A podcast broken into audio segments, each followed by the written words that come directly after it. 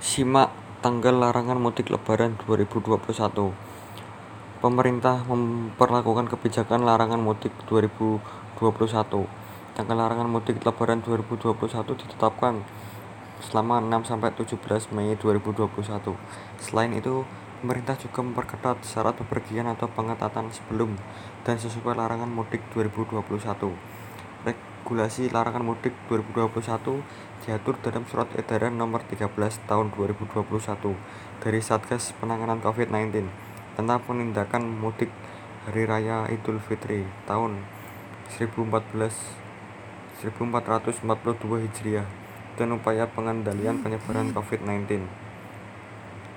Selama bulan suci Ramadan 1442 Hijriah, sementara pengetatan bepergian itu terulang dalam Addendum Surat Edaran Satuan Tugas SE atau Satgas.